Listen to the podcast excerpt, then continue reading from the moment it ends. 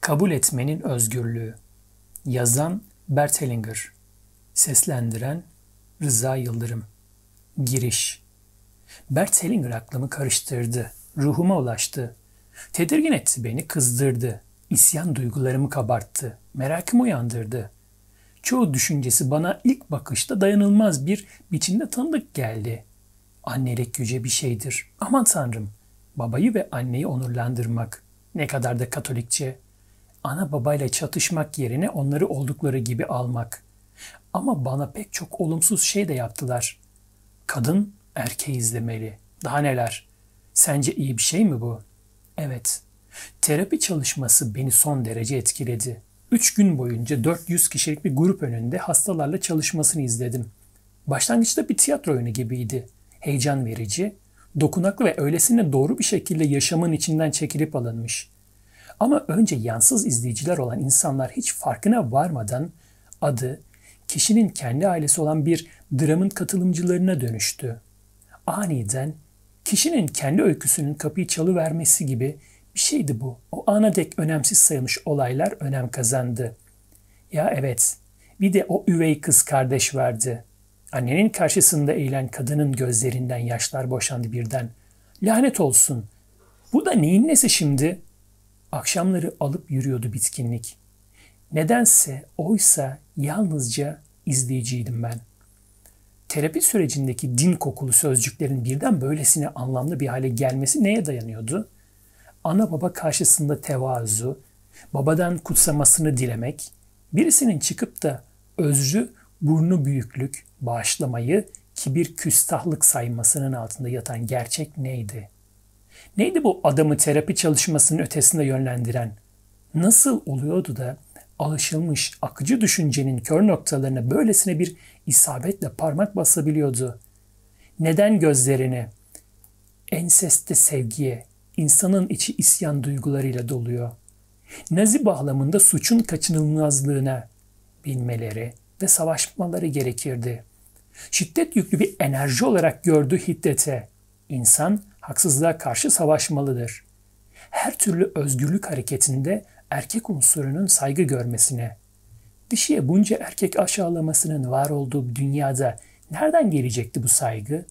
Evlat edinen ana babanın evlat edindikleri çocuk karşısında duydukları suçluğa, evlat edinme önemli bir toplumsal edimdir.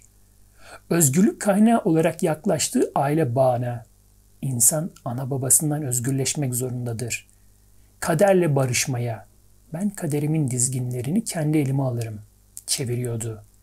Zihnimde o kadar çok soru oluşmuştu ki ancak Hellinger'ın çalışması karşısında duyduğum hayranlığın özünde bana derinden dokunması yatıyor. İster çalışması sırasında izleyeyim, ister burnumu kitaplarına gömeyim, isterse daha sonra olduğu gibi saatler boyunca konuşayım onunla. Her seferinde içimi yaşam karşısında barış, rahatlama ve tasasız bir neşe gibi tuhaf bir duygu kapladı. Nereden kaynaklanıyordu bu? Belki de birinin çıkıp kilitlenmenin, acı ve hastalığın temelinde ısrarla sevgiyi aramasıyla ilintiliydi. Hellinger'ın dilinin insana zaman zaman ortaçağ çağrıştıran bir niteliği var. Tevazudan, iyilik, lütuf ya da babanın kutsamasından dem vurduğunda, yaşamdan armağan ya da barışma olarak söz ettiğinde çağdaş, analiz temelli psikolojide karşılığı olmayan bir ruhsal yaşam alanına dokunuyor. Ruhun en derin hareketleri söz konusu olduğunda dilden yoksun olan bir yaşam gerçeğine köprü kuruyor Hellinger adeta. Bütün bunlar bana biraz zor inanılır görünmüştü. Kimdi beni aklın ötesinde bambaşka bir düzlemden yakalayan? Bert Hellinger, danışanları karşısında gerektiğinde katı, bildiğinden şaşmayan ve yumuşatarak ifade edecek olursak kararlı, kimilerine göre otoriter, bir tavır sergileyebiliyor. Karşısındakinin ancak düşünmeye cesaret edebileceği acımasız görüşleri açıkça dile getirmekten çekinmiyor. Onu başkalarının ne düşündüğünü gözeten birinden çok dikkatli ve farkındalığı yüksek biri olarak niteleyebiliriz.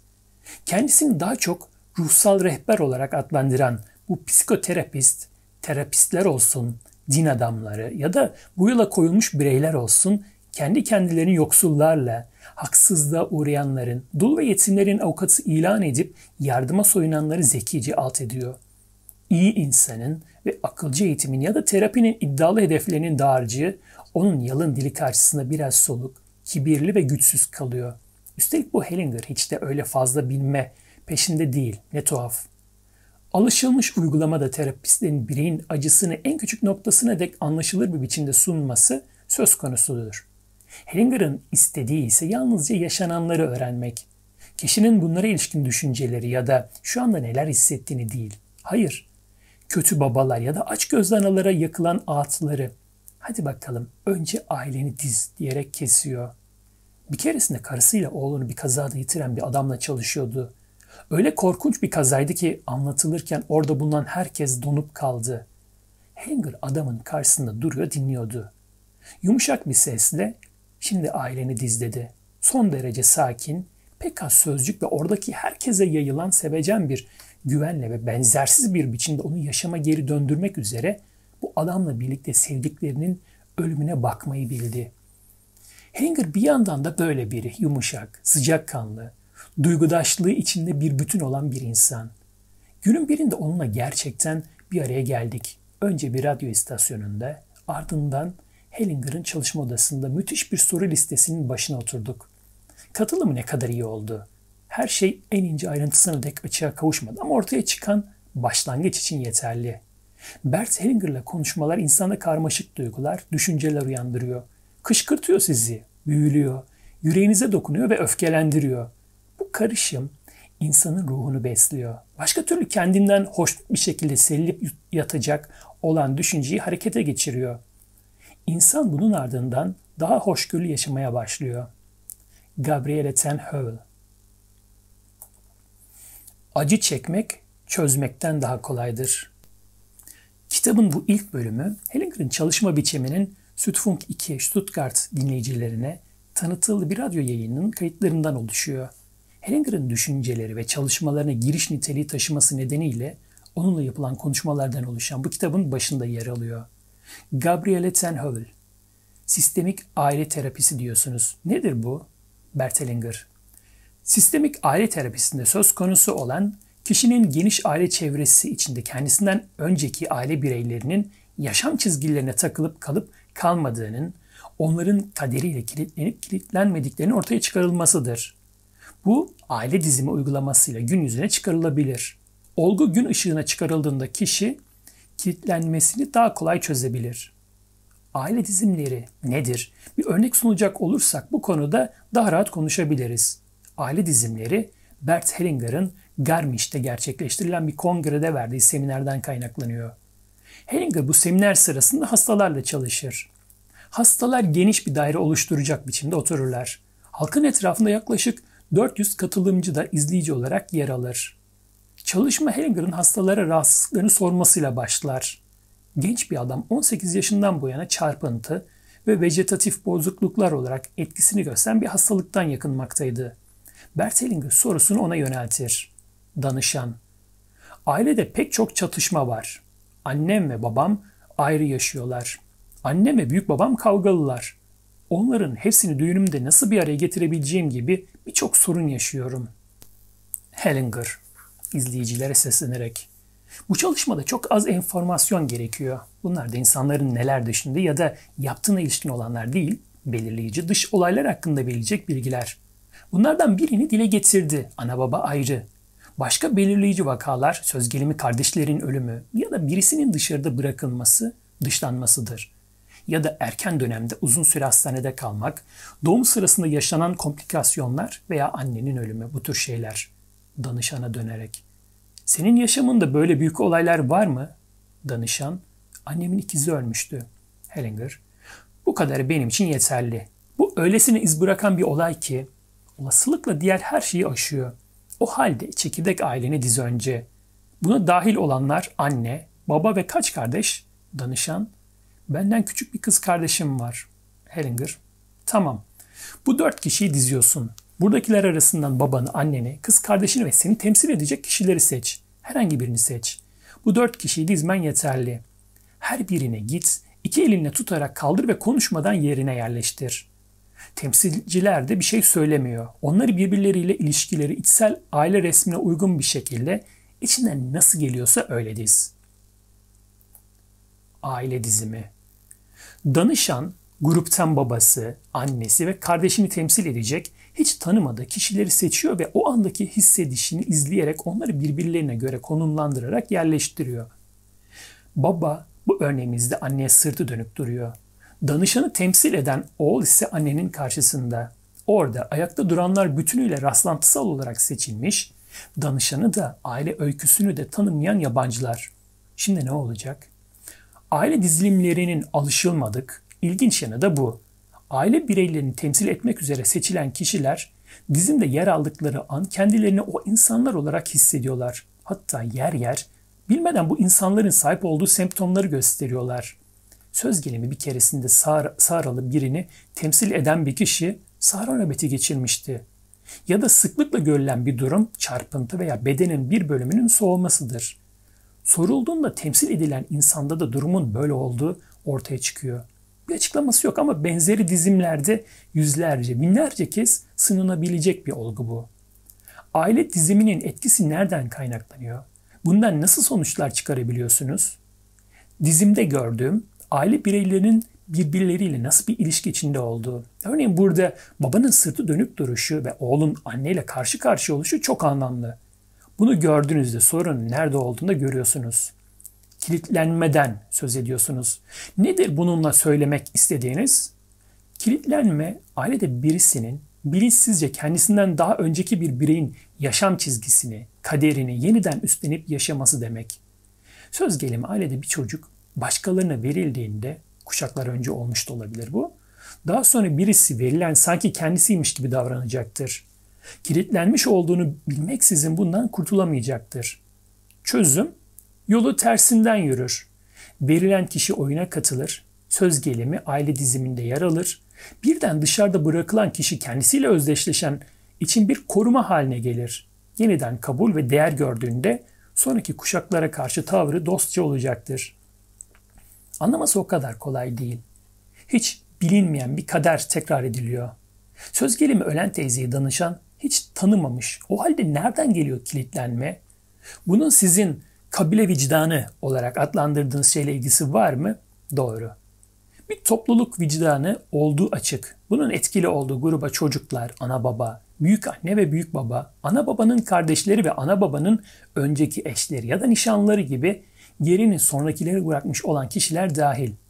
Bunlardan birisi bir haksızlık yaşadığında grupta karşı konulamaz bir dengeleme, telafi gereksimi doğuyor. Daha önceki kuşaklarda yaşanmış haksızlık düzeltilebilmesi için daha sonraki kuşaklardan birinin acısını çekeceği biçimde yeniden sergileniyor. Buna sistematik tekrar zorlanımı adı verilebilir. Ancak bu tür bir tekrarlama hiçbir zaman her hiçbir şeyi düzeltmiyor. Dışlanan kişinin kaderini üstlenmek zorunda kalanlar topluluk birinci tarafından haksız yere görevlendiriliyor. Hiçbir suçları yok onların. Buna karşılık bir aile bireyini aileden atmış ya da dışlamış oldukları için gerçekten suçlu olanlar belki buna rağmen iyi hissediyorlar kendilerini. Dolayısıyla topluluk bilinci önceki kuşaklara değil yalnızca sonraki kuşaklara adalet sanıyor. Bunun da nedeni öyle görünüyor ki aile sistemlerinin temel düzeniyle ilintili. Temel düzen şöyle bir yasaya dayanıyor. Bir kez sisteme dahil olan ait olmaya diğer herkes kadar hak kazanır. Ancak birisi kötülendiği ya da dışlandığında bu bazılarının senin benden daha az ait olma hakkın var demesi anlamına geliyor. Bu da söz konusu kişiler bilmeksizin kefaretinin kilitlenmeyle ödeneceği bir haksızlık demek. Bunun kuşaklar boyu süren etkisine bir örnek verebilir misiniz? Böyle bir şeyi nasıl canlandırabiliriz zihnimizde? Dehşet verici bir örnek verebilirim size. Bir zaman önce büyük bir karmaşa yaşayan bir avukat geldi. Ailesini araştırmış, şunları ortaya çıkarmıştı. Büyük büyük annesi evli ve kocasından hamileyken başka birisiyle tanışmış. Bunun üzerine ilk eşi 31 Aralık günü 27 yaşındayken ölmüş. Cinayete kurban gittiği kuşkusu varmış. Daha sonra bu kadın ölen kocasından miras kalan çiftliği ondan olan oğluna değil, sonraki evliliğinden olan oğluna bırakmış. Büyük bir haksızlık. Bu arada aileden 3 erkek 31 Aralık günlerinde ve 27 yaşlarındayken canlarına kıymışlar. Avukat bunu ortaya çıkardığında kuzenlerinden birinin 27 yaşına girdiğini ve 31 Aralık gününün de yaklaşmakta olduğunu fark etmiş. Uyarmak için ona koşmuş, kuzenini kendini vurmak üzere bir tabanca satın almış halde bulmuş. Kilitlenmeler işte böyle çalışır. Daha sonra bu avukat bir kez daha bana geldi. Büyük bir intihar tehlikesiyle karşı karşıyaydı.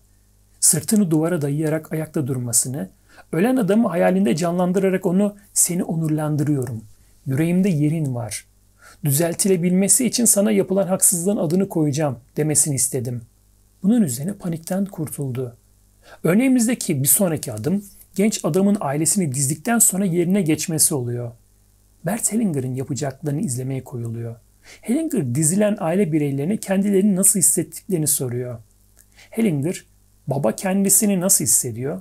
Baba, şu anda nasıl olduğumu hissetmiyorum henüz. Anne, ben kendimi biraz yalıtılmış hissediyorum. Bu adam kocamsa benden çok uzak ve bir şekilde oğlumla aramda özel bir ilişki hissediyorum. Hellinger izleyicilere dönerek, oğul kimi temsil etmek durumunda? Annenin ölen ikiz kız kardeşini, bunun bir çocuk için ne demek olduğunu düşünün. Oğul nasıl? Oğul, sıranın dışında olduğumu fark ediyorum. Onların karşısında duruyorum. Anneye doğru yoğun bir bağ da hissediyorum. Hellinger, kız kardeş nasıl? Kız kardeş, ben de sol tarafımda rahatsızlık hissediyorum. Aşırı bir darlık. En ilginci kardeş yönünde olan. Hellinger izleyicilere dönerek, aile diziminde bir kişinin dışlandığını ve görünmediğini ortaya çıktığında bir sonraki adım bu kişiyi oyuna katmaktır. Şimdi ikiz kız kardeşi oyuna katacağım. Danışana neden öldü? Danışan son derece trajik bir olay. Savaş sonrası büyük babam yeni dönmüş. Pazar günü öğleden sonra kamyonla bir şeyler taşıması gerekmiş. Çocuğu ve büyük annemi de yanına almış. Kamyon çalıştırıldığında kapıyla oynayan çocuk Kapı açılınca aşağı düşmüş ve öz babası tarafından ezilmiş. Feci bir şey. 7 yaşındaymış. Hellinger, şimdi annenin kız kardeşi olarak birini seç ve annenin hemen yanına yerleştir. Anneye, şimdi nasılsın? Anne, daha iyi ama çok yakın o. Hellinger, öyle olmak zorunda. Ölen kız kardeş nasıl? Ölen kız kardeş, bu kadar yakın olmayı çok hoş algılıyorum. Hellinger, oğul da şimdi ne değişti? Oğul, anneyle ilişkinin artık o kadar güçlü olmadığını hissediyorum. Daha çok babaya yöneliyor. Hellinger izleyicilere seslenerek doğru. Kız kardeşin içeri girmesiyle rahatladı. Erkekte bir değişiklik var mı? Adam, kendimi yalıtılmış hissediyorum. Yalnızca duruşumla bile aileden öteye çevriliyordu bakışlarım ve neler olduğunu izlemek için sürekli çaba harcamam gerekiyordu. Hellinger, sistematik açıdan bu adamın kadın neslinde hiç şansı yok. Kadın kendi ailesi ve ikizine öylesine bağlı ki bir erkeğe hiçbir şekilde yönelemiyor. Bu nedenle de ilişki daha başlangıcından başarısızlığa mahkum. Ama çocuklar babaya yönelmeli. Hellinger, oğul ve kızı babanın karşısına yerleştirir. Hellinger oğula, burada nasılsın? Oğul, daha uyumlu. Şimdi babayla aramda daha güçlü bir ilişki hissediyorum. Yanımda duran kız kardeş güç veriyor bir şekilde. Hellinger kıza, şimdi nasılsın? Kız, ben de daha iyiyim. Ama ikiz kız kardeş ortaya çıktığında başlamıştım kendimi daha iyi hissetmeye. Baba, şimdi artık karşımda bana bakan biri olduğundan kendimi çok daha iyi hissediyorum.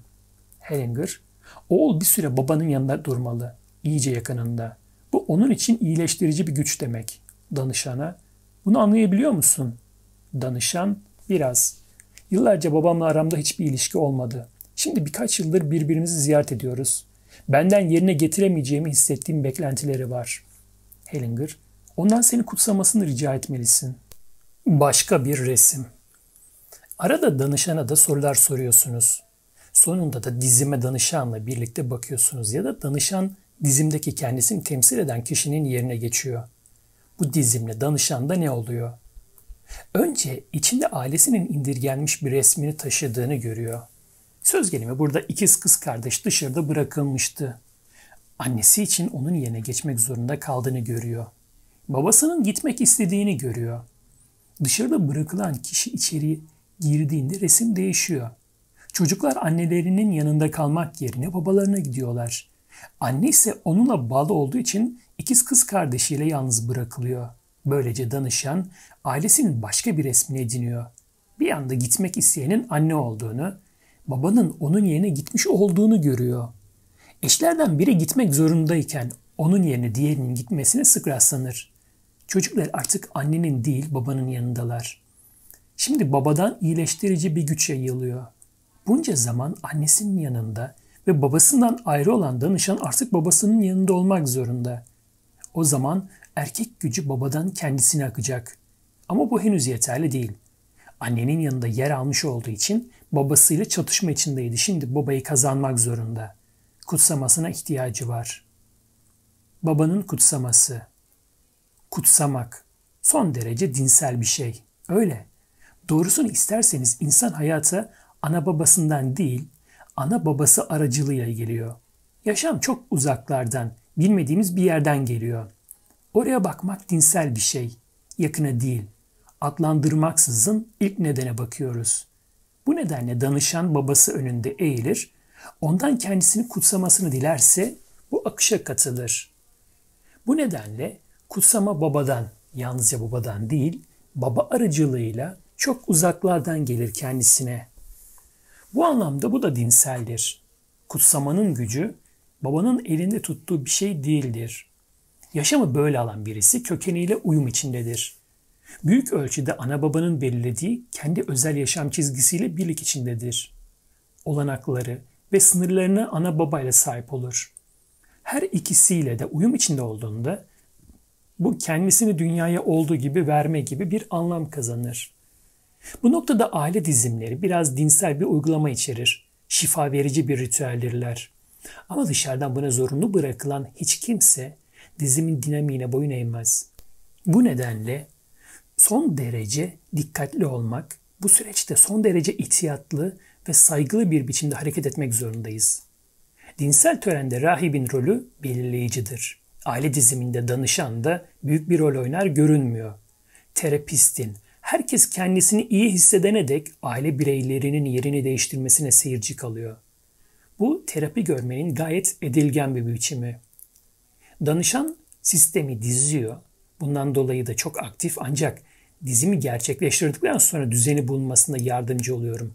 Sonunda sıra çözülmeye geldiğinde söz gelimi babasından kendisini kutsamasını dilediğinde danışan yeniden aktif bir rol üstleniyor.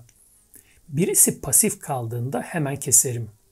Çalışmayı kendisi yerine bana bıraktığında hemen keserim. Onunla çalışmam.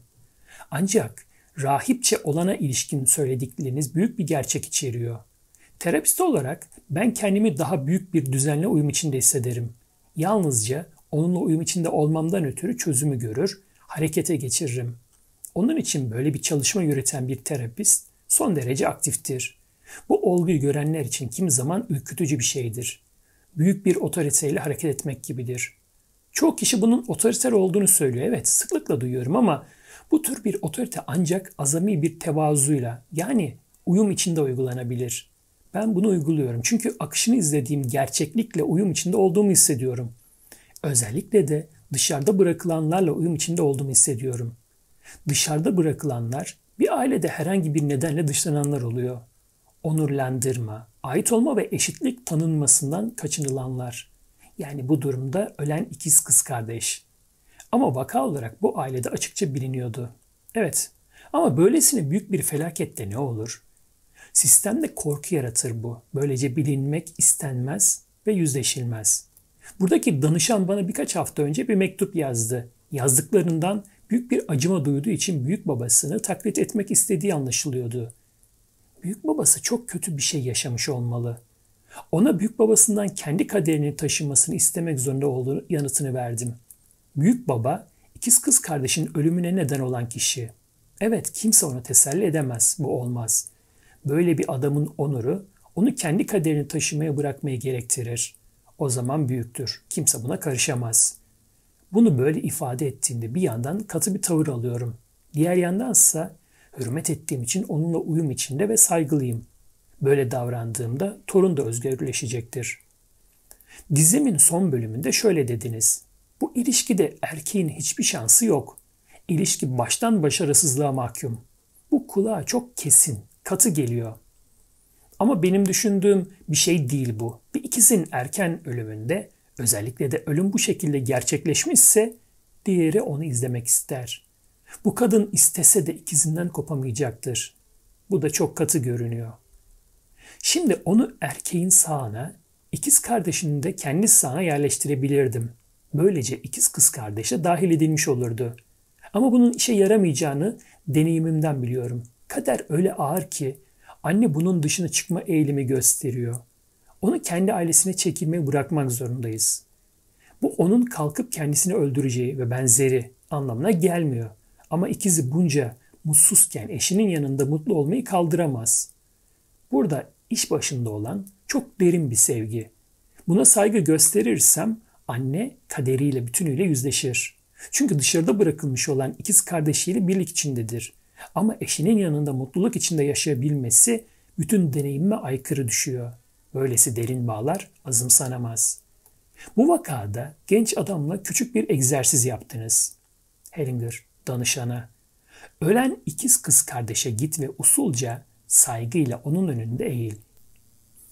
Sonra bunu büyük annen ve büyük babanla yap. Kaderleri karşısında saygıyla eğil. Danışan eğilir. Doğrul ve hepsine bak. İkiz kız kardeşe bakmadın henüz. Teyzenin gözlerinin içine bak. Derin nefes al ve çok yumuşak bir şekilde yeniden eğil. Ağzını açık tut ve derin nefes al. Bırak acı gelsin.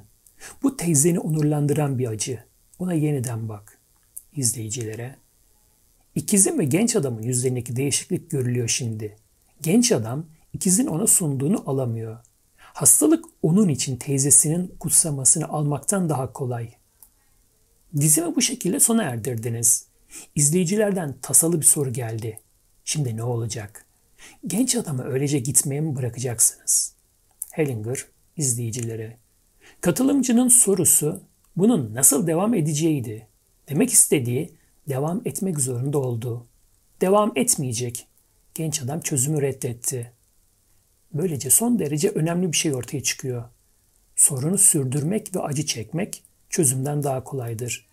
Bu büyülü bir düzlemde acı ya da sorunun sürdürülmesinin masumiyet ya da sadakatle derinden bağlı olmasıyla ilişkili. İçinde kişinin kendi acısının diğerini kurtarma umudu yatıyor. Danışan şimdi teyzenin kurtarılmaya hiç ihtiyacı olmadığını görecek olursa bu onun için büyük bir düş kırıklığı olacak. Bu şimdiye dek onun için bütün yaptıklarının gereksiz olduğu anlamına gelecek. Kişi böyle bir şey kolay kabul etmez. Çözümü görse bile sorunu canlı tutmayı yeğecektir. Terapist bu duruma müdahale edemez ya da herhangi bir başka şey yapamaz. Onu kendi ruhuna bırakıyorum. Bütün yapabileceğim bu. Çözüm. Normal olarak terapi çalışmasının sürdürüldüğü bir nokta bu. Siz terapiyi burada kesiyorsunuz. Danışan bir zaman önce bana bir mektup gönderdi. Yüreğinin etkisini göstermeye devam ettiği anlaşılıyordu yazdıklarından. Teyzesinin kutsamasını kabul edememesinin nedeninin büyük babasıyla özdeşleşmiş olması olduğunu sonradan anlamıştı. Bu büyük baba da çocuğunun sevgisini alamıyor. Çocuğun ölümüne neden olan büyük baba.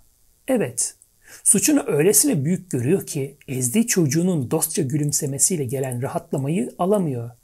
Danışan o anda büyük baba ile özdeşleşmişti. Yüreği bu arada etkisini göstermeye devam ettiği için şimdi ona yardım etmeyi sürdürebilirdim. Büyük baba ile olanların bilincine varmıştı. Ona büyük babaya duyduğu acımayı bırakmasını söyledim. Artık özgürdü. Ona yardım edebildim derken söylemek istediğiniz somut olarak nedir? Hastalığı iyileşti mi? Büyük babayla özdeşleşmeyi çözmesine yardım edebildim.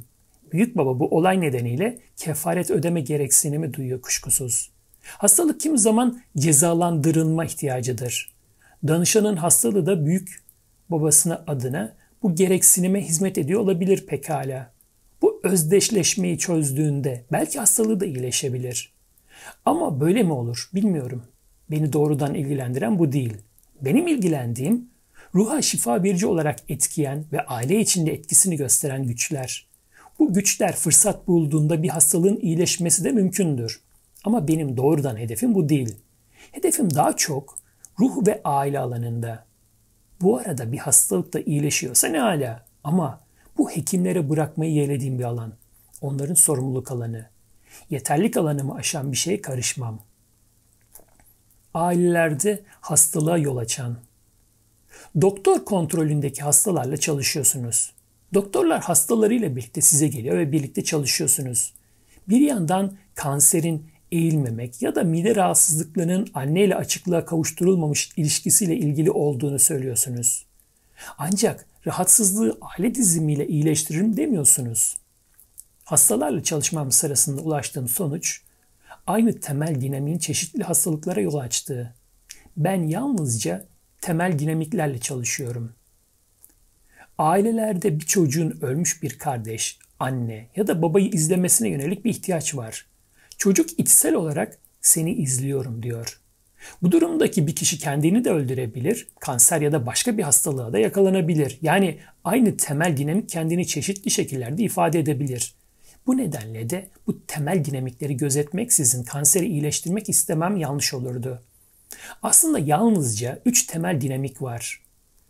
Seni ölümünde, hastalığın ya da kaderinde izlerim eylemi, sen öleceğine ben ölürüm ya da sen gideceğine ben giderim eylemi, kişisel suçun kefareti, örnek olarak verdiğimiz dizinde erkek olasılıkla sevgili karım sen gideceğine ben giderim aileden diyor. Neden yapıyor bunu? Bilinçsizce, tamamıyla bilinçsizce. Çocuklar da bunu böyle yapıyor. Söz gelimi ana babanın birini izlemek istediğini gördüklerinde. Örneğimizde anne ölen ikiz kız kardeşini izlemek istiyor. Oğul da senin yerine ben hastalanacağım ya da öleceğim diyor. Burada olası bir dinamik olabilir bu. İkinci bir örnekle birlikte ana baba ve çocuklar arasındaki ilişkiye geçelim. Bu örnekte 12 yıldır multiple skleroz hastası olan bir kadın söz konusu. Savaş sırasında iki asker kaçağının ölümünden sorumlu olan Nazi babasını anlatıyor. Gruptan bir kez daha yabancılar seçiliyor ve aile bireylerinin rolünü alıyorlar. Bu vakada babayı kapının önüne gönderdiniz. Neden yaptınız bunu? Bu aile terapisindeki önemli istisnalardan biri. Kural olarak katiller aidiyet hakkını kaybeder. Suçlu bir şekilde birisinin ölümünden sorumlu olan aidiyet hakkını yitirir. Sistemden çıkmak zorundadır. Kapıdan çıkmak o kişinin aidiyeti kaybetmesi anlamındadır. Ama kişinin öldüğü ya da ölmek veya kendini öldürmek istediği anlamını da taşır. Şimdi aidiyeti yitiren kişi sistem dışına çıkmazsa onun yerine bir çocuk gider. Bundan ötürü suçluya acımakla hiçbir şey elde edilemez. Böylece gerçekten suçsuz olanlara acımasızca davranılmış olur. Dizimden sonra bu kadına onda etkin olan dinamiğin senin yerine ben çekip gideyim olduğunu söylediniz. Baba yerine kızı gitmek istiyor. Hastalığın nedeni bu. Bu açıklamanın onun için aydınlatıcı olup olmadığını sormanızı aranızda bir diyalog izledi. Kadın, babam adına herhangi bir sorumluluk yüklenmeyi bir yana bırakabileceğim anlamını çıkardım. Onun sorumluluğunu aldığımı, yaptığı 2-3 yıl öncesine kadar saklı tutulmuştu. Durumu kardeşlerime bildirdim. Hellinger, bunu yapmamalıydın. Sormamalıydın da. Kadın, sormadım. Yalnızca bana savaşta olanları anlat dedim. Hellinger, ama bir çocuk yapamaz bunu. Çocuk ana babanın sırlarına karışamaz. Acın kısmen bu müdahalenin kefareti olabilir. İzleyicilerin sorusu. Ana babamız bizlere nazi hikayeleri anlatmamalı mıydı? Hellinger, Kendileri de işin içindeyse hayır. Yoksa ne yapar çocuklar? Ne yaptınız siz derler ve ana babaları kadar kötü bir duruma gelirler. İzleyicilerin sorusu. Ana babamdan bir olayı öğrenebilir. Neden öyle davrandıklarını anlayabilir ve bağışlayabilirim. Hellinger, bir çocuk ne anlamalı ne de bağışlamalıdır. Haddini bilmezliktir bu. Haddini bilmezlik ve sonuçları. Bu noktada bir hayli kızgınlık yaşandı. İzleyiciler arasında kimileri öfkeyle baş kaldırdı. Çocukların sezgisel bir adalet algısı vardı. Neden soru soramayacaklardı ki? Ana babalarının bir suç işlediğinde hissederlerdi. Evet, hissederler ama karışamazlar. Çocuklar yetişkinler gibi değildir. Doğal bir şekilde soru sorarlar. Masumdur soruları. Bunun için bir hastalığa yakalanarak kefaret mi ödemek zorundalar? Bu neyin söz konusu olduğuna bağlı elbet. Ana babanın işlediği bir suç ya da onların mahrem ilişkisi söz konusu olduğunda çocuğun sorduğu her soru büyük bir haddini bilmezliktir. Özellikle ortada bir suç olduğunda çocuklar böylelikle ana babalarını kendi mahkemelerine çıkarıp hadi bakalım savunun kendinizi demiş olurlar. Bundan daha büyük bir haddini bilmezlik olamaz. Çocuk bunu yaptığında kendini ağır bir biçimde cezalandırır. Aynı şey ana baba kendiliğinden özel ilişkilerine ilişkin bir şey anlattığında da geçerlidir. Söz gelimi anne, baban iktidarsız, aramızda hiçbir şey yok. Benzeri şeyler söylediğinde ya da baba anneden aşağılayıcı bir tavırla söz eder, çocuk da bunu duyar ve yalnızca bilmiş olduğu için kendisini cezalandırır. Bu durum çocuk kurcalamaya geçtiğinde daha da ağırlaşır. O zaman da çocuk için tek bir çözüm kalır geriye. Ben bunu ruhsal unutuş olarak adlandırıyorum. Çocuk bütünüyle geri çekilir. Çocuk ana babasına oldukları gibi sahiptir. Ana baba olduklarından farklı olamaz. Olmalarına da gerek de yoktur. Çünkü bir erkek ve kadın iyi ya da kötü oldukları için değil, erkek ve kadın olarak birbirlerine bağlandıkları için ana baba olurlar. Sadece bu şekilde. Bundan ötürü çocuk yaşamı ana babasından ana babanın verdiği biçimde almak zorundadır. Ana baba buna ne bir şey katabilir ne de çıkarabilir. Çocuk da herhangi bir şeyi ekleyemeyeceği gibi dışarıda da bırakamaz. Ana babası yaşamı kendisine nasıl vermişse öylece almak zorundadır. Tersinden ifade edecek olursak, ana babaya çocuğa bir şey söylememeli, çocuk ve yetişkinin yaşam alanlarını birbirinden ayırmalısınız demek değil mi bu? Çok doğru. Sırdaş haline getirildiğinde çocuğun hiçbir öznel suçu yoktur. Ama etki tıpatıp aynıdır. Sadece bu şekilde davranmakla çocuk haddini aşan bir konuma getirilmiş olur. Ama size bütünüyle hak veriyorum. Bu ana babaya söylenmeli. Geçmişte ana baba ve çocukların yaşam alanları bugünküne oranla çok daha fazla ayrıydı birbirinden. Günümüzde ana baba ve çocuklar arasında sıklıkla gözlenen arkadaşlık çocuklar için kötü. Seminerden başka bir örneğe dönelim. Bir kadın anlatıyor. Danışan. 25 yaşında guatr. 5 yıl önce de mide ameliyatı geçirdim. Kronik bronşit hastasıyım. Hellinger, evli misin? Danışan, hayır. Hellinger, kaç yaşındasın? Danışan, 35. Hellinger, ailende olan dışı bir şey yaşandı mı? Danışan, babamın tacizine uğradım. Anneme anlattığımda benden yana çıkmadı. Bundan kimseye söz etme. Yoksa baban hapse girer dedi. Ondan sonra dilime kilit vurdum.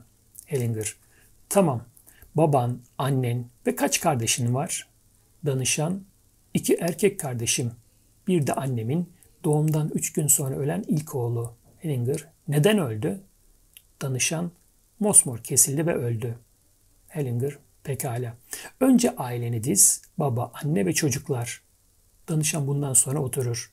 Bert Hellinger, izleyiciler arasından aile bireylerini temsil eden aktörlere sorularını yöneltir. Hellinger, baba nasıl? Baba, yanında bir kadın varlığı hissetmiyorum. Yalnızca kızımla aramda bir ilişki hissediyorum. Hellinger, kadın nasıl? Kadın, fazla yakın hissediyorum. Çocuk da bir şekilde sorumlu. Çok uzak, hoşuma gitmiyor bu. O çocuğa daha yakın olmak istiyorum. Hellinger, ya kız nasıl? Kız, avuçlarım çok ısındı. Saldırganlık, korku ve öfke hissediyorum. Hellinger danışana, şimdi ölen çocuğu alalım. Onu temsil edecek kişiyi seç ve dizime ekle. Kıza, sende ne değişti? Kız, kendimi çok daha iyi ve daha fazla korunmuş hissediyorum. Artık yalnız değilim. Baba, evet ölen çocukla aramda bir ilişki hissediyorum. Kadın, o çocuğun yanına gitmek istiyorum. Hellinger, kızın mı? Kadın, evet. Erkek kardeş, ben aileyi daha bütünleştirmek istiyorum.'' Hellinger ölen çocuğa. Sen nasılsın? Ölen çocuk. Kendimi ölü hissediyorum. Hellinger evet doğru. Danışana ailenin ailesinde neler oldu? Danışan kız kardeşlerinden biri 8 yaşındayken yurt dışına gitmiş ve orada alıkonmuş. Hellinger 8 yaşında bir kız nasıl kalkar gider? Danışan bir tür öğrenci değişim programıymış. Hellinger 8 yaşında tuhaf. Danışan evet işte dışarıya gitmiş. Macaristan'dan İsviçre'ye bir tür öğrenci değişim programıymış. İsviçre'deki kadınla adam onların yeterince çocuğu olduğunu söyleyerek büyük ana babamdan çocuğu kendilerine vermelerini istemiş. Büyük ana babam da çocuğu Hellinger bu kadarı benim için yeterli. Anne kime gitmek istiyor? Kız kardeşe. Aileden uzaklaşma eğilimini gösteren bir anne daha mı? Kız kardeşi başkalarına verilmiş, anne de gitmek istiyor. Kız kardeşine doğru aileyi terk etmek. Kardeşler arasında çok derin bir sevgi ve bağ vardır. Aralarından biri kötü durumda olduğunda diğerleri bunu hisseder. Söz gelimi çocuklardan biri özürlü ise diğerleri de yaşama bütünüyle almaya hakları yokmuş gibi davranır. Aralarındaki sevgi ve bağlılığın sonucudur bu. Annenin ailesinde olanları sordunuz. Babanın ailesinde olanları değil, sonuç olarak kızını taciz etmiş olan babaydı. Sorunun annede olduğu dizinden anlaşılabilir. Tacizde çoğunlukla iki suçlu bulunur. Biri ön planda olandır, bu durumda baba. Diğeri de arka planda. Bu nedenle her ikisi de göz önünde bulundurulmazsa çözüme ulaşılamaz. Burada bunu bu şekilde yorumlamak biraz riskli. Yine de annenin kız kardeşini izlemek istediği için babadan uzaklaştığından yola çıkabilirim. Ancak erkek karşısında kendisini suçlu hissediyor ve kendi yerine geçmesi için kızını ona doğru itiyor. Suçlu ve kurban. Son derece kışkırtıcı bir şey bu. Tacize uğrayan kızlarla uğraşanların çoğu annenin tacizin asıl nedeni olduğunu söylediğinizi duysa buna şiddetle karşı çıkardı. Elbette bu erkeği başladığım anlamına gelmiyor. Bunu böyle görmek bütünüyle yanlış olurdu ancak resmin bütününü görmek gerekiyor. Söz gelimi çocuğun yalnızca babaya kızması yetmeyecektir. Anneye de kızmak zorundadır. Şimdiye dek gördüğüm kadarıyla tacizde ana baba çoğunlukla suç ortaklığında gizli bir ilişki içinde. Bütün bu söyledikleriniz analitik kulaklara oldukça alışılmadık gelecek. Bir yığın iddia ortaya attığınız söylenebilir. Nereden biliyorsunuz bunları? Aile dizimlerinde izlediğim, danışanlarla çalışmalarım sırasında gördüğüm bu. Her şeyden önce suçluya yönelen her saldırının olumsuz etkileri olduğunu gördüm. Yani kendilerini suçlu hale getirenlere yönelen saldırının demek istiyorsunuz. Evet. Çünkü çocuk cezalandırılan babaya sadık kalıyor ve kendisini bunun için cezalandırıyor. Bunu kendisi yapmayacak olursa daha sonra kimi zaman kendi çocuklarından biri yapıyor. Bu böylece kuşaklar boyu sürüp gidiyor sıklıkla. Bir keresinde son derece alışılmadık bir deneyimim oldu. Psikiyatrlar için düzenlenen bir eğitim çalışması sırasında bir psikiyatr öz babasının tecavüzüne uğrayan bir hastası olduğunu söyledi. Çok öfkeliydi. Hastasının aile dizimini yapmasını söyledim, yaptı. Dizimde terapist olarak hastasının yanında durmasını istedim. Bunun doğru olduğunu belirtti ve hastanın yanına geçti. Sistemdeki herkes ona kızgınlık duydu ve hiçbiri güvenmedi. Bunun üzerine kötü babanın yanına geçmesini söyledim. Sistemdeki herkes derin bir soluk aldı ve ona güven duydu. Bu dizim sırasında terapistin kötüyle birlik olmak zorunda olduğunu ortaya çıkardım. Ancak bu şekilde diğerleri için bir şeyi düzeltebilir. Kurbanla birlik olduğu ve öfke duyduğu anda bu herkes için olumsuz sonuçlar doğuruyor. Özellikle de kurban için. Bu bir deneyim. Öyle olması gerektiğini düşündüğüm için olan bir şey değil. Bu görüşleri aile dizimleri sırasında elde ettim ama bir başkası başka türlü yaklaştığında ya da işe yarayan farklı bir deneyim edindiğinde derhal geri çekilirim. Kimse nasıl hareket edeceğine ilişkin kurallar dayatmak istemem. Yani bu değişmez bir teori çatısı değil hiçbir şekilde. Yalnız bu bağlamda da değil. Ben adımlarımı fenomenolojik olarak atıyorum. Yani neyin işe yaradığına bakıyorum. Bunu sınıyorum. Sonucunda bir yol bulursam kendime bir hipotez oluşturuyorum. Ama bu da durumdan duruma değişiyor. Peki bir şeyin işe yaradığını nereden anlıyorsunuz? Yüz ifadesinden. Bir çözüm belirdiği an yüzlerde bir aydınlanma oluyor.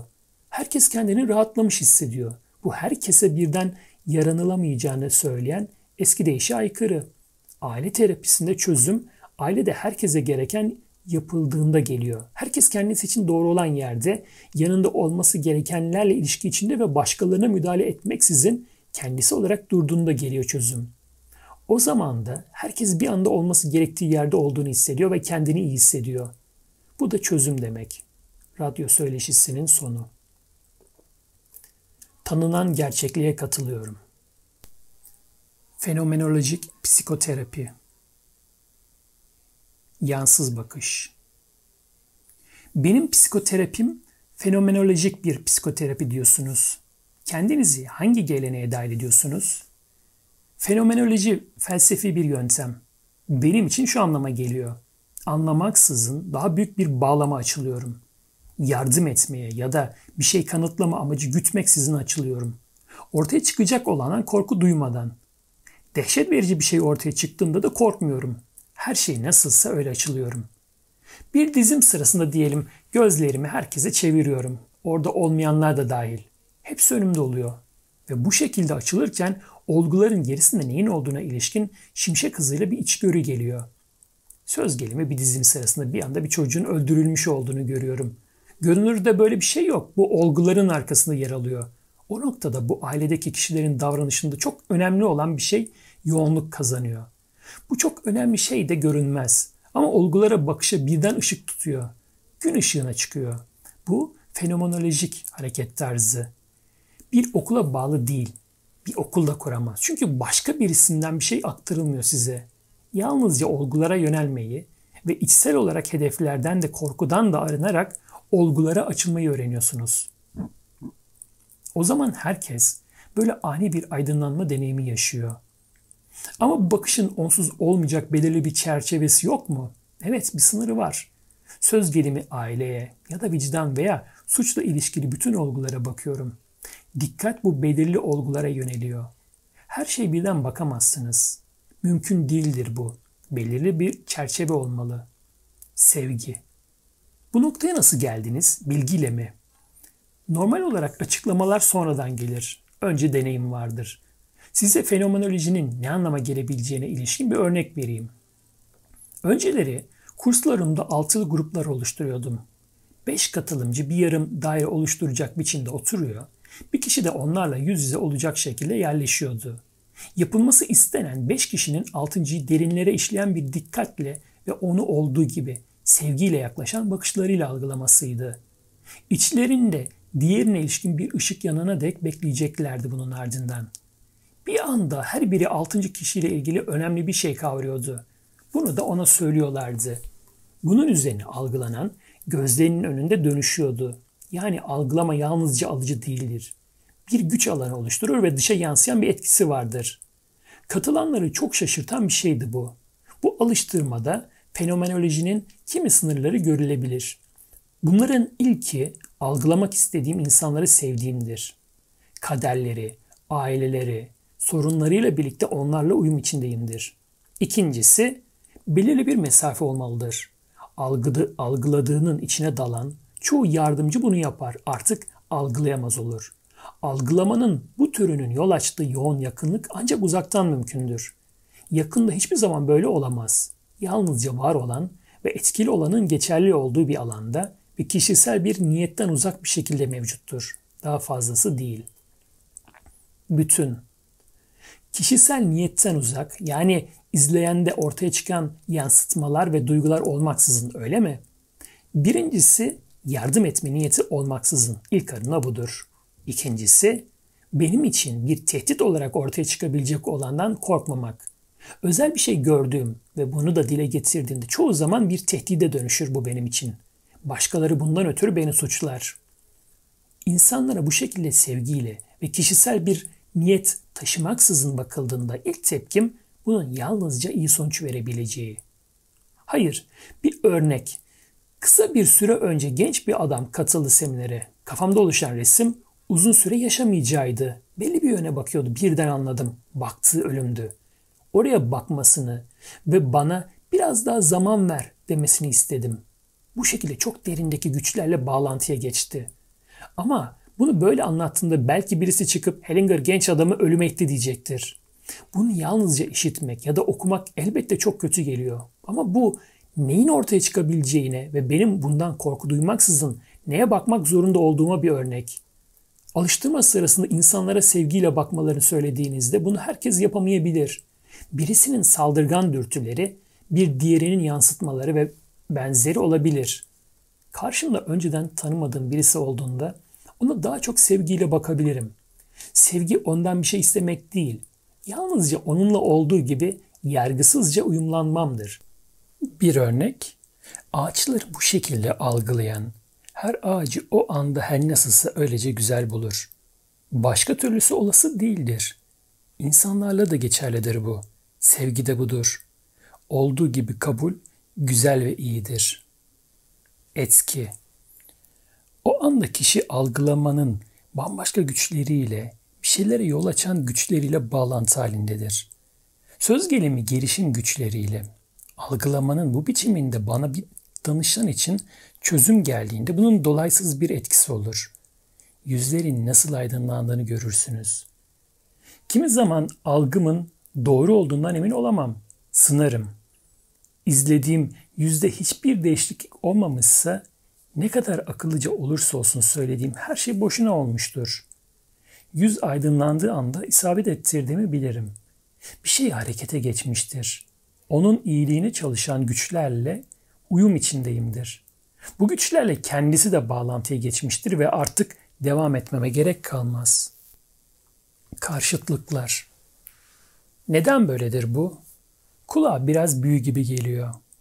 Size Jacob Steiner'ın bir kitabından bir bölüm okuyayım. Şöyle yazıyor. Bir şey her zaman bir başkasına dayanarak tasarlıyoruz. Birincimiz yalnızca diyalektik bir biçimde çalışıyor. Ancak diyalektikte buna Hegel'inki de dahil her antitez yetersizliğin ortaya koyduğu tezin en azından bir bölümünü yok eder. Diyalektik olarak yapılanmış bir düşüncede bundan dolayı indirgenmiş bir biçimde başka bir şeyin kendi göreceliğini ortaya çıkaracağı düşünüldüğünden her şeye ta başından kuşkuyla bakılır. Ama başka bir şeyin var olabileceği olasılığını yalnızca düşünmek bile belli bir şeyin varlığının sınırlanması anlamına gelir. Sevgiyi nefretin karşıtı olarak kavradığımda ve onunla eş haklı olarak dünyayla ilintilendirdiğimde sevgi nefretle sınırlandırılacaktır. Bir şey açıkça görebilmek için başka bir şeye gönderme yapmak zorundayız. Bu fenomenolojide farklıdır. Fenomenoloji diyalektik düşünce değildir. İyi ve kötü ya da karşıt siyasal hareketler söz konusu olsun, karşıtlıkları bütün olarak algılarım. Böylece hiçbir çelişkiye izin vermeyen bir ifadeye ulaşırım. Böyle bir şey söylediğimde kimileri başka türlü de olabilir der. Bu antitezdir ve tezi çürütür. Oysa gerçek antitez yeni bir bilgidir. Söz gelimi düzenlerle ilgili bir şeyi ortaya çıkardığımda başka birisi bana bundan söz ettiği yeni düzenler bulduğunda bilgime bir şey eklemiş olur. Bilgisi antitez değildir. Bunun da benim tezimi ortadan kaldırmaz. Bunun yerine her ikisi bir antitez olmaksızın sentezde birleşir. Sıklıkla kullanıldığı biçimiyle antitezin yıkıcı yanı yeni bir algılamaya dayanmaksızın yalnızca düşünülmüş olmasıdır. Antitezin gerisinde yatan itici güç nedir? Antitez, istediğimi düşünmenin benim elimde olduğu yanılsamasını yaratır. Birisinin bana bir şey söylediği her seferinde bir gerçeğe bağlı olmadan buna karşı bir antitez ileri sürebilirim. Bu bana bir özgürlük duygusu verir. Sonra antitezimi alır, kendim yapıcı bir şey ortaya koymaksızın başka bir şeyi sorgulayarak çürütürüm. Ama fenomenolojik olarak hareket ettiğimde ve göründüğü biçiminde bir gerçeğe dayandığımda başka türlü düşünme ya da isteme özgürlüğünden vazgeçerim. Tanınan gerçeğe katılırım. Ancak katılırken de hareket etme özgürlüğünü kazanırım. Keyfi bir antitez ileri sürenin gerçi başka bir şey tasarlama özgürlüğü vardır. Ama ne yapacaktır ki bununla? Özgürlük. Eni konu tedirgin oldum. Sizin özgürlük kavramınız aydınlanma çağı ile gelenden temelden farklı. İnsan özgür değil der gibisiniz ancak özgürlüğümüz sınırlı. Farklı yollar seçebilirim gerçi ama bu yolların nereye götürdüğü önceden belirlenmiştir. Söz gelimi temel bir düzene aykırı davranabilirim ama sonuçları üzerinde gücüm kalmaz. Bunlar önceden belirlenmiştir. Burada özgürlük, davranışımın sonuçlarından kaçamayacağımı kabul etmektir. İşte o an hareket kabiliyetim vardır. Pek çok şey düşünebilirim gerçi ama bütün bu düşünce olasılıklarını elden geçirecek olursam hareket etmeye ne kadar enerjim kalır? Buna karşılık fenomenolojik olarak hareket edersem ve bir anda neyin söz konusu olduğunu görürsem eylem serbesti ve gücüm olur. Bu serbestliği içinde kendimi özgür olarak deneyimlerim.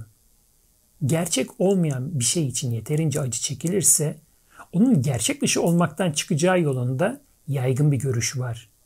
Böylece ona veda etme zamanının geldiğini kabul etmek yerine gerçek dışı olan doğrulanıyor.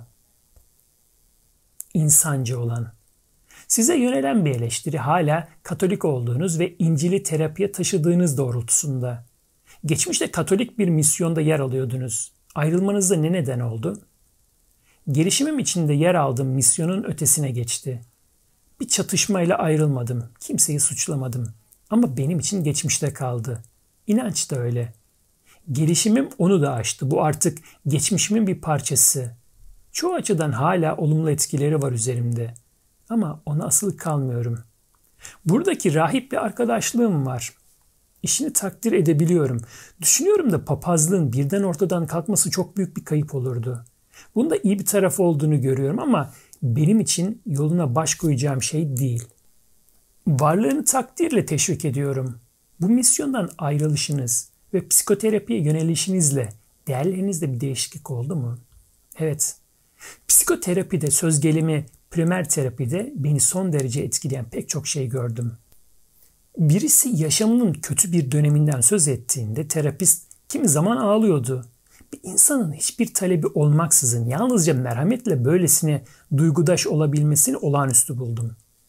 Güney Afrika'da bir devlet üniversitesinde okudum. Hiçbir inanca bağlı olmasa da öylesine iyi insanlarla karşılaştığımda duyduğum şaşkınlığı hala hatırlıyorum. Önceden insanın ancak inanç sahibi ise iyi olabileceğini sanırdım. İnancın insanı doğru yolda tuttuğunu, ahlaklı kıldığını. Ama bu doğru değil. Tersine inanç sahibi olmayan ama çok daha duyarlı pek çok insanla karşılaştım. İnsani takdir ve saygının ne olduğunu böyle deneyimledim. Orada bir noktada durdukları için değil, kişi başkalarına saygı duymalı ve sevmeli. Herkes kendince kilitlenmiştir. Vicdanın rolü Katolik kökeniniz soru sorma biçiminize bugüne dek damgasını vurmadı mı? Hayır. Benim için belirleyici olan fenomenolojik hareket tarzıyla vicdan hakkında ortaya çıkardıklarım oldu.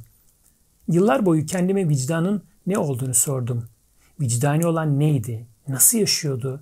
Vicdanlı insanlar iyi ya da kötü neye yol açıyorlardı? Vicdanın nasıl etkilediğini gözlemledim. Dışarıda kalanlara karşı sevginin önüne geçiyordu.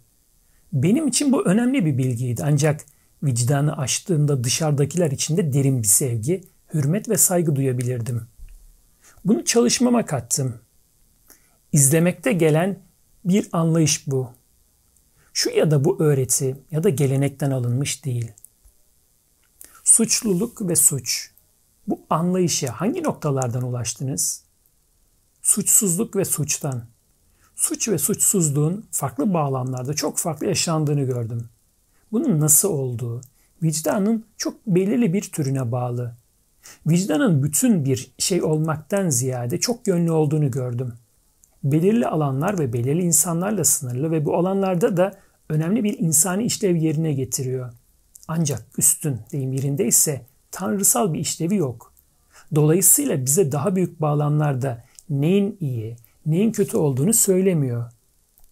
Bu anlayışın terapatik çalışmanızdaki anlamı nedir? İlk gördüğüm çocukların ailelerine derin bağlarla bağlı olduğuydu. Çocuk için olabilecek en kötü şey aileden dışlanmaktır. Temel önemdedir bu. Ben buraya aitim, buraya ait olmak istiyorum ve her ne olursa olsun bu ailenin kaderini paylaşıyorum birinciyle yaşar. Bu nedenle de aidiyet için bencilliğin ötesinde her şeyi yapar. Bu sevgi bir hayatta kalma stratejisi değildir. Başkalarının işine yarayacaksa çocuk ölmeye bile hazırdır. Dolayısıyla bu bağ bencillikten uzaktır ve özel bir algı organınca yönlendirilir. Çocuk ait olabilmek için neyi yapması, neyi yapmaması gerektiğini sezgisel olarak bilir. Bir köpek bile bilir bunu. Yalnızca insana özgü değildir. Bağın olduğu her yerde kendiliğinden, anlıksal, spontane bir algı oluşur. Ait olabilmem için burada geçerli olanlar nelerdir? Aidiyeti kaybetmemek için neleri yapmam, neleri yapmamam gerekir? Algının bu türünün algı organı vicdandır.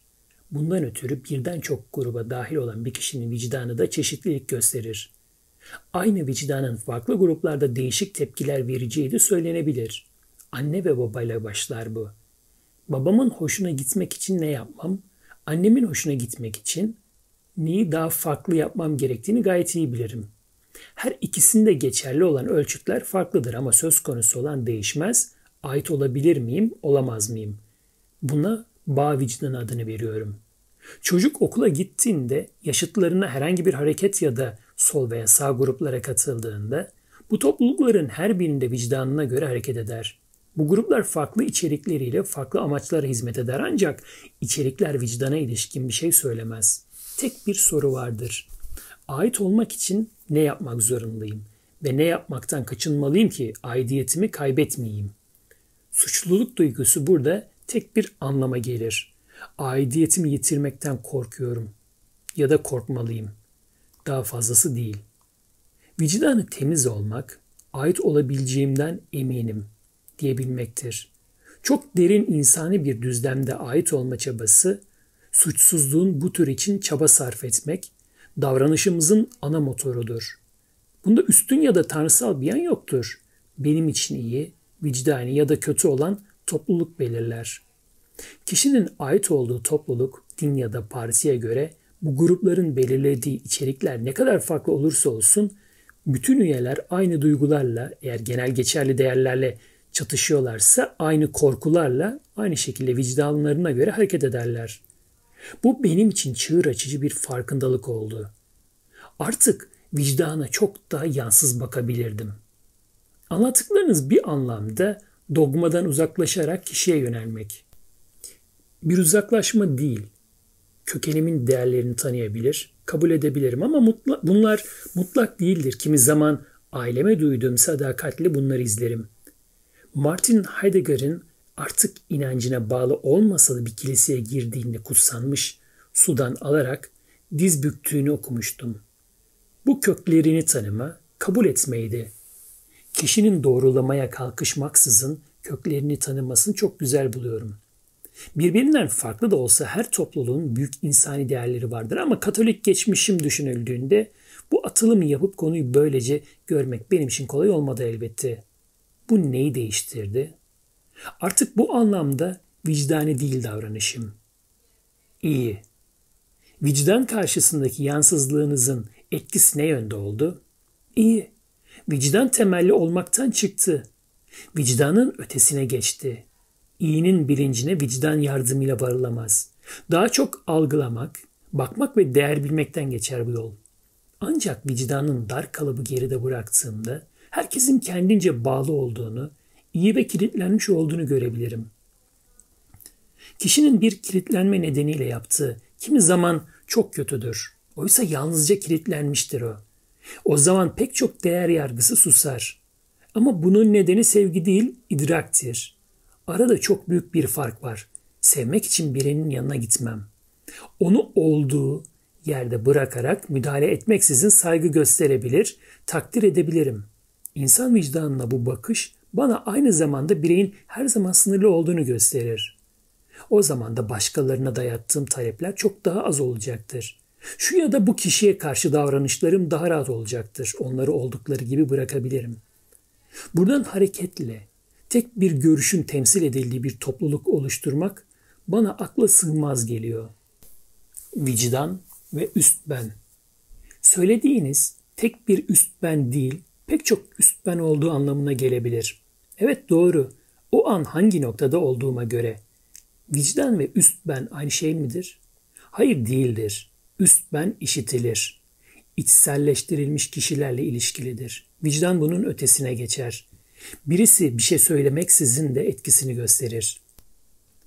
Çocuğun sıklıkla ana babanın beden duruşunu edindiğini söyleyen beden terapistleri var. Aynı solunum zorluklarını gösterir çocuklar diyaframlarını sıkıştırarak öne eğilmiş bir şekilde yürürler. Vicdanı tanımlayışınızı beden düzlemine aktaracak olursak bu da aynı olgu olmalı. Doğru. Kişinin ne şekilde ait olduğunun göstergesidir bu. Aynı şekilde davranır, aynı biçimde soluk alır. Ana babası görme engelli çocuklar kendileri görüyor olsa da kimi zaman ebeveyni gibi hareket eder. Bağın ne kadar derin olduğu burada da görülebilir. Üst benin vicdandan daha bilinçli etkilediğini söylüyorsunuz. Vicdan üst benden daha kapsamlıdır. Kişi üst benin denetiminde olduğunda işittiği bunu yapmamalısındır. Vicdandaysa böyle bir şey duymaz. Çünkü temel bir düzlemde neyin ne olduğunu bilir. Bu bağ vicdanı. Peki bu bağlamda suçluluk duygusu nedir?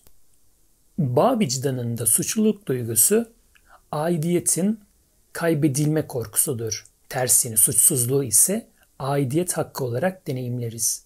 Buna onur da denir. Kişi toplum içinde onurlandırıldığında büyük bir aidiyet hakkı vardır. Vicdan ve denge. İkinci bir suç deneyimi vermek ve almak ya da kazanmak ve kaybetmek arasındaki denge ile ilişkilidir. Ruhun çok derin düzlemlerinde bir denge telafi gereksinimi vardır. Bir şey alan birisi kendisi de vererek dengeyi sağlama gereksinimi duyar. Bunun önemli bir toplumsal işlevi vardır. Değiş tokuş ve dayanışmayı sağlar. Bir topluluk herkesin dengeli bir şekilde verip almasıyla bir arada kalır. Yalın bir örnek vereyim. Erkek kadını seviyor, kadın da erkeği. Erkek bireylerin şu ya da bu ölçüde almasına hak tanıyan bir aileden geliyor. Aynı şey kadın için de geçerli. Bu sezgiselce algılanır. Birisiyle birlikteyken karşımdakinin ne kadar alabileceğini, ne kadarını geri verebilecek durumda olduğunu tam olarak bilirim. Benim ona neyi ne kadar verebileceğim buna göre belirlenir. Böylece ona ancak geri verebileceği ve vermek istediği kadarını verebilirim. Taraflardan biri diğerinin kaldırabileceğinden fazlasını verdiğinde ilişki tehlikeye girer. Bundan ötürü bir ilişkide benim verişim daima sınırlıdır. Başka bir örnek, birisi bir özürlüyle evlenir. Böylece kendiliğinden daha çok veren konumuna gelir. Ancak diğeri eşdeğerli bir şey geri veremediğinde ona karşı öfke duyar. Bununla birlikte daha yüksek bir düzlemde telafi olanağı vardır. Özürlü olan diğerinin kendisine vermiş olduğunu takdir eder. Evet, bana sana geri verebileceğimden fazlasını verdiğini biliyor ve bunu özel bir armağan olarak algılıyorum dediğinde ilişki yürür. İlişkideki seviye farkı dengelenemezse uzun süreli bir bağ oluşamaz. Bir başkasından bir şey aldığımda kendimi ona karşı suçlu hissederim. Bu bağ vicdanında hissedilen suçluluk duygusu değildir. Buradaki suç bir yükümlülük, suçsuzluk ise yükümlülükten özgürleşmek olarak deneyimlenir. Bu gözlem nasıl bir çerçevede geçerli? Bu tür yaşayan bir değiş tokuş küçük topluluklarla sınırlı. Rastgele söyleyecek olursam 20 kişi yani normal bir kabileyle bu ölçekte anlamlı. Devlete karşı bu duyguyu bu ölçüde hissetmeyiz. Bu düzlemde insanların söz gelimi vergi öderken aldatmaya sapması daha kolaydır. Bir arkadaşlarının parasını o kadar rahat alamayacaklardır.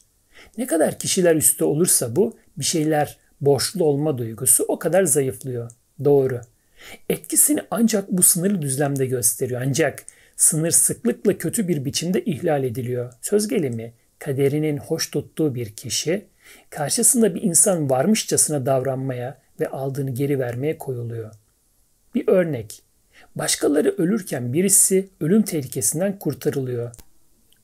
Konsantrasyon kamplarından sağ çıkan Yahudiler gibi. Bunların çoğu sonradan yaşamlarını yeniden ele almaya cesaret edemedi. Sınırlı bir biçimde yaşadılar. Kurtarılmalarını sınırlı bir yaşam sürdürerek ödediler. Diğerlerinin ölmesine karşın onlar yaşadığı için kendilerini ölenler karşısında suçlu, borçlu hissettiler. Telafi denge gereksinimi burada bütünüyle yersiz bir düzleme taşınarak anlamsızlaşıyor. Adil Tanrı. Aynı şey Tanrı karşısında da yapılıyor. Adil bir Tanrı talebi ve Tanrı'nın affediciliğine bu inanç da buradan geliyor. Vermesi için Tanrı'ya sunulan, yalnızca küçük bir çerçevede geçerli olan şey bu çok yüksek düzeye aktarılıyor. Bu da bütünüyle çılgınca bir şey. Tanrı'nın adil olmak zorunda olduğu, benzerlerimizden talep ettiğimize karşılık geliyor. Tanrı için bir şey yapmışsam, diyelim kiliseye para yatırmış ya da bir haç bağışlamış, bunu da sırtlandığım gibi yalın ayak Roma yollarına koyulmuşsam kimileri Tanrı'nın beni kurtarmak zorunda olduğunu söyleyecektir. Tanrı'ya bunu yapmaya zorunluymuş gibi davranılır. Oysa doğa ya da evrimi gözlemlediğimizde etkiyen gücün adil olmadığını görürüz. Dengeli adalet kavramımız insana özgüdür ve insanların bir arada yaşaması için önemlidir. Ancak deneyimlediğimiz gerçekliğe tümüyle aykırı olduğu için kozmik bir ilki olarak tamamıyla yersizdir. Denge ve sevgi. Denge gereksinimi nereden geliyor? Nereden geldiğini bilmiyorum. Ama bu denge gereksinimi olmaksızın hiçbir insan topluluğu olamazdı. İnsan olarak birlikte yaşayabilmemiz için bize verildi. Bu çerçevede anlamlı ve gözetilmek zorunda. Ama bu insanlar arasında bir anlaşma değil. Bir toplumsal uzlaşma değil. Hayır böyle bir şeyi anlaşmaya bağlamak gerekmez. Herkes tarafından sezgiselce hissedilir. Kadın erkek ilişkilerinde bu ilke gözetilmediğinde neler olduğunu gördüm. Sevgi söz konusu olduğunda kimileri sevgi senin bana vermek zorunda olman demektir. Benimse bir şey yapmam gerekmez diye düşünür. Çocuk annesini bu şekilde deneyimler. Anne çocuğa bencillikten uzak bir şekilde bakar.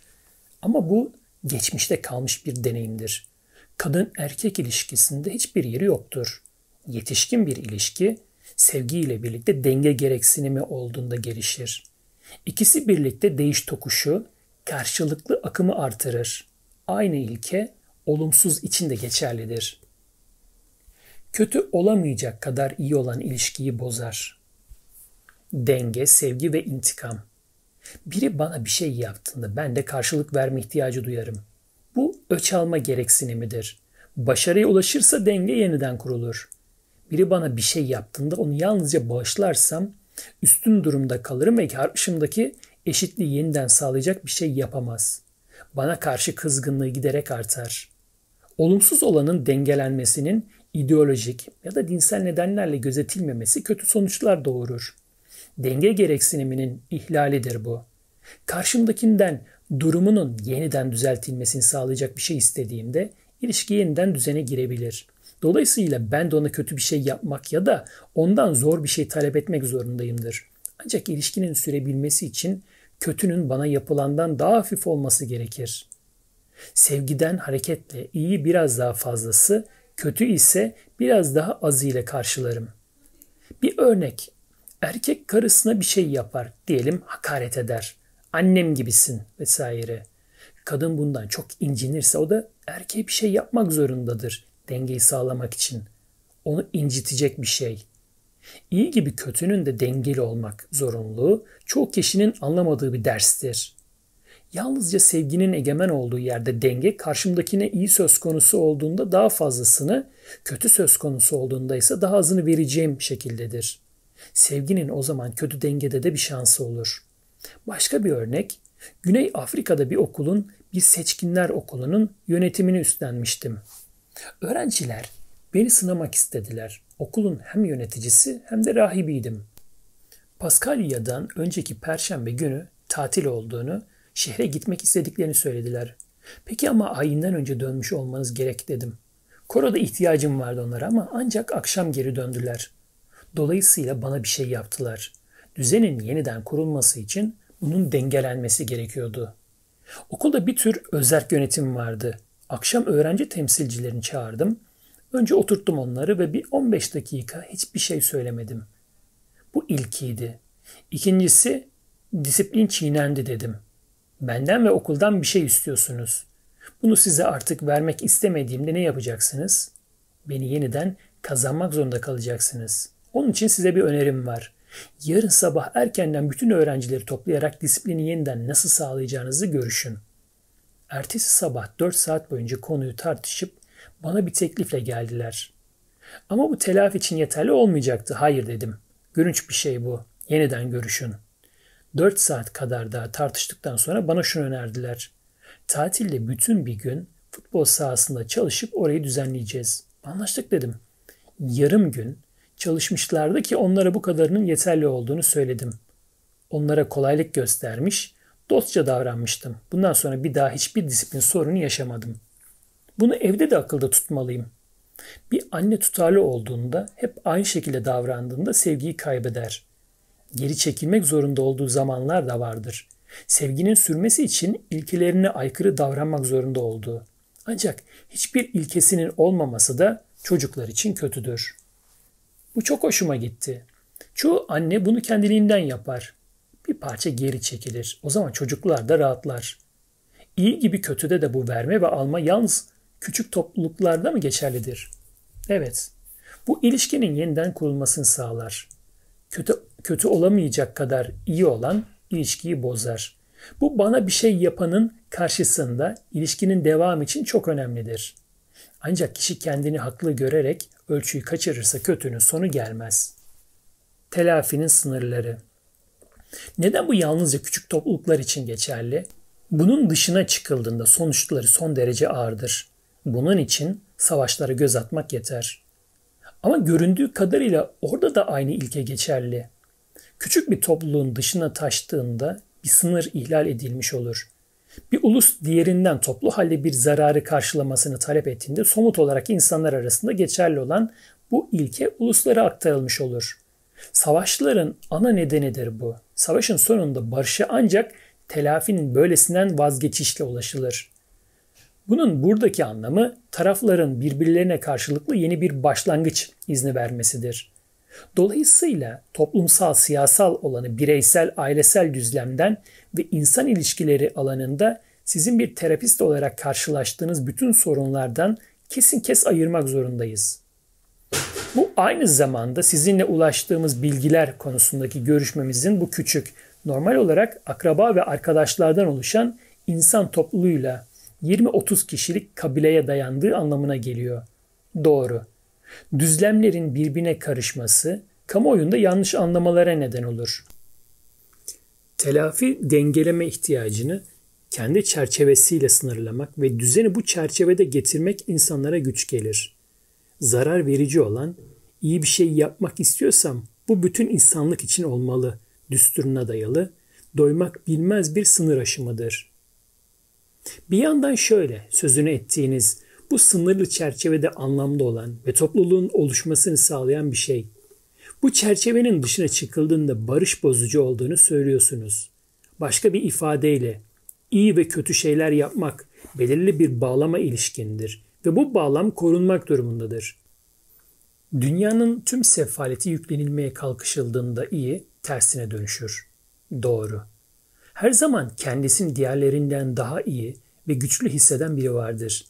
Bu nedenle iyi niyetle yola çıkan yardım örgütlerinin misyonu sonunda beklenmedik bir etki yaratır. Sınırların var olduğunu görüyorum ve bunları gözetmek istiyorum. Misyonerken ben de yoksullara yardım etmeyi düşündüm. Yardımın yerine ulaşıp ulaşmadığını ve diğerleriyle uyum içinde olmadığında neden tehlikeli olduğunu gözlemleme olanağım oldu. Özellikle de diğerlerine karşı büyük bir saygıyla verilmediğinde. İki vicdanımız oldu. Vermek ve almak ile bağ vicdanı. Başka var mı?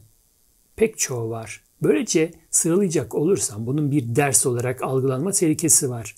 Oysa bu benim sınırlarını çizebileceğim bir alan değil.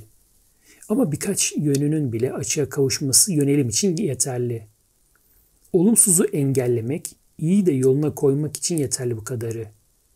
Olumsuzu engellemek, iyi de yoluna koymak dediniz. Evet, herkesin kendince tutsak olduğu olgusunu takdir etme anlamında. Buna herkesin kendince görevlendirilmesi de denilebilir. Aşkın bir bakış olur bu da.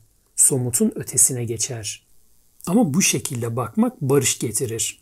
İyi ya da kötü. Her ne oluyorsa daha büyük bir bağlamla ilintilidir.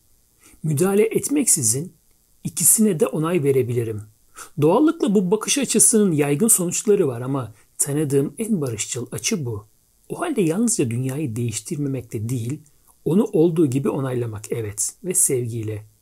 Sevgiyi nereden alıyorsunuz? Kendiliğinden mi akıyor? Sevgi bir edinimdir, eylemden ve insanın kendi sınırlarını deneyimlemesinden gelir. İyi gibi kötüde de sınırlarımız var. Bu sevgi temelde yalnızca her şeydeki farkların altında derin bir ortaklık olduğunu görmektir. Kişi nasılsa öyle ve zorunlu olarak öyle olarak kabul edildiğinde deneyimlenir en derin sevgi. Böyle olması gerektiği gibidir, doğrudur. O benden, ben ondan farklı da olsak birbirimizi olduğumuz gibi doğru olarak kabul ederiz. Asıl sevgidir bu. Birisini kucaklamak filan değil. Bu son derece yüzeysel bir şey olurdu. Sevginin böylesi en derin güçlerle uyum içindedir ve dinsel bir yanı vardır. Bunun din olduğu bile söylenebilirdi. Onu kurcalamak istemeksizin derin bir şeye bağlıyımdır. Vazgeçiş.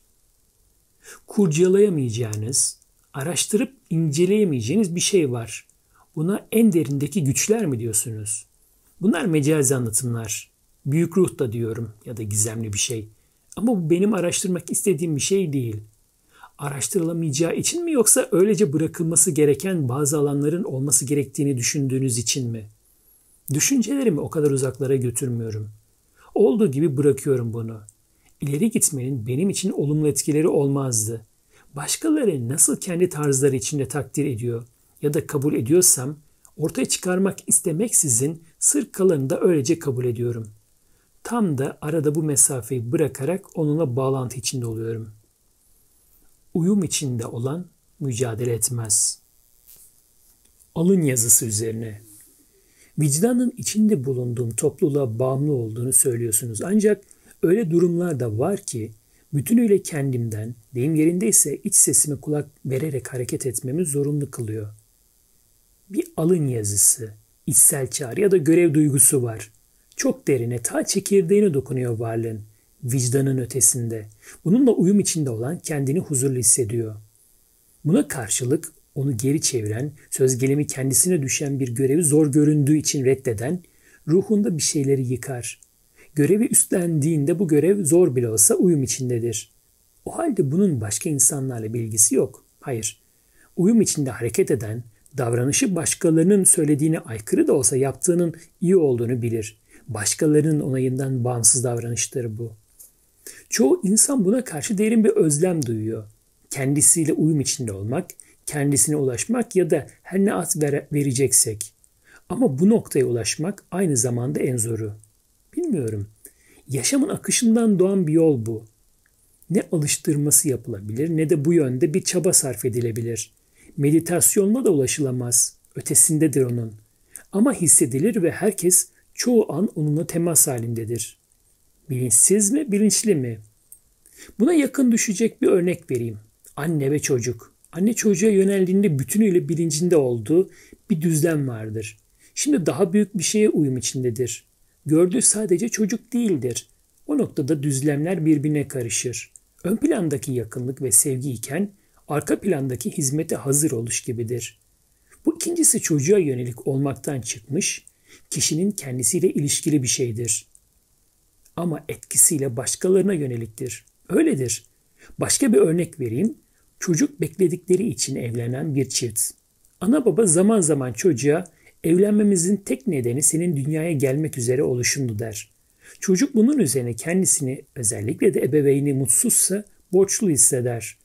Buna karşılık ana baba isteyerek evlendik çünkü sevgimize sahip çıktık derse bu öte düzleme, meta düzleme geçmiş oluruz.